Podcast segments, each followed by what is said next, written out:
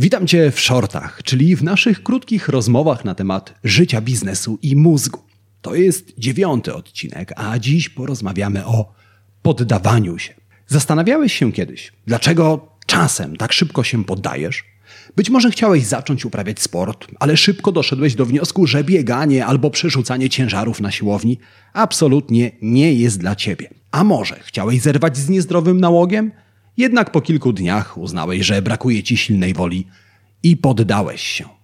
Pomyśl przez chwilę, z czego wynika to, że podobnie jak wiele innych osób, porzucasz swoje plany i marzenia.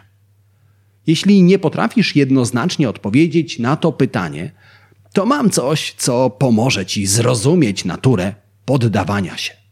Przekonasz się, że problem często nie leży w tobie, ale w tym, co inni mówią o tobie.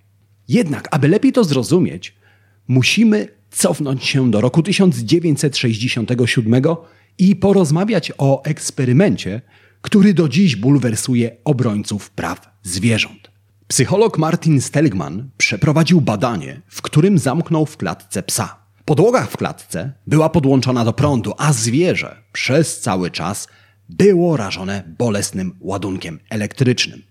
Na początku badania pies próbował uciec, szukał w klatce miejsca, które da mu bezpieczne schronienie i pozwoli uniknąć tortur. Jednak szybko zrozumiał, że nie może uciec, schować się i jest skazany na tortury. Jednym słowem, zrozumiał, że jest bezradny i bezsilnie skulił się w rogu klatki. Następnie Stelgman przeniósł zwierzę do innej klatki. Tym razem klatka została podzielona na dwie części, które naukowiec odgrodził niską ścianką. Podłoga po jednej stronie klatki znowu była podłączona do prądu. Z kolei druga część klatki była bezpieczna. Pies mógł łatwo przejść z jednej strony na drugą i uniknąć rażenia prądem. Jednak tego nie zrobił. Natychmiast, gdy poczuł prąd przeszywający jego łapy, podobnie jak w poprzedniej klatce, skulił się i leżał w rogu. Sądził, że i tym razem jest bezsilny.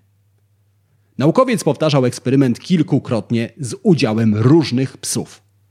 Efekt za każdym razem był taki sam.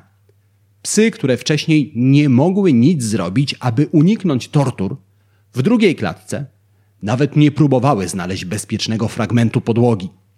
Takie zachowanie naukowcy nazwali wyuczoną bezradnością i stwierdzili, że poprzednie doświadczenia wpływają na przyszłe zachowanie. Kolejne badania nad wyuczoną bezradnością dowiodły, że ten mechanizm działa również na ludzi. Osoby, które wcześniej nauczyły się, że w pewnych sytuacjach nie ma wyjścia, lub sądziły, że rezultaty ich działań zawsze są takie same, szybko dochodziły do wniosku, że nie warto się starać i próbować cokolwiek zmienić. Pomyśl przez chwilę, jaki wpływ na ciebie może mieć wyuczona bezradność. Załóżmy, że chcesz zostać copywriterem i chcesz zarabiać na życie, pisząc teksty. Jednak nauczyciele w szkole bez przerwy mówili ci, że kiepsko piszesz i oblewali twoje wypracowania. To przekonanie zakorzeniło się w tobie i uznałeś, że faktycznie pisanie nie jest dla ciebie. Być może nawet próbowałeś pisać, ale za każdym razem, gdy zaczynałeś, w głowie słyszałeś głos nauczyciela, który krytykował twoje teksty. Innym razem, po raz kolejny chcesz zacząć zdrowo się odżywiać. Wcześniej nie udało ci się jednak zrezygnować ze śmieciowego jedzenia. Do tego, gdy opowiadasz o swoich planach znajomych, słyszysz, że brakuje ci silnej woli i pewnie znowu wrócisz do starych przyzwyczajeń. Te słowa wzmacniają w tobie przekonanie, że faktycznie nie masz silnej woli i zanim zaczniesz zdrowo się odżywiać, podświadomie czujesz, że i tak nic nie zmienisz i po kilku dniach rzeczywiście się poddajesz. To rzecz jasna przykłady. Jednak ten mechanizm, wyuczona bezradność, działa podobnie bez względu na cel, który przed sobą stawiasz. Poprzednie doświadczenia wpływają na Twoje wyniki, a czasem jedyne co Cię powstrzymuje, to błędne przekonania, że nic nie możesz zmienić.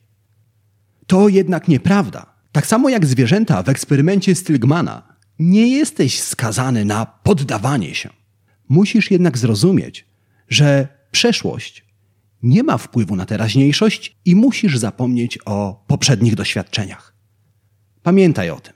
Szczególnie, gdy następnym razem ogarnie cię bezsilność i będziesz chciał się poddać.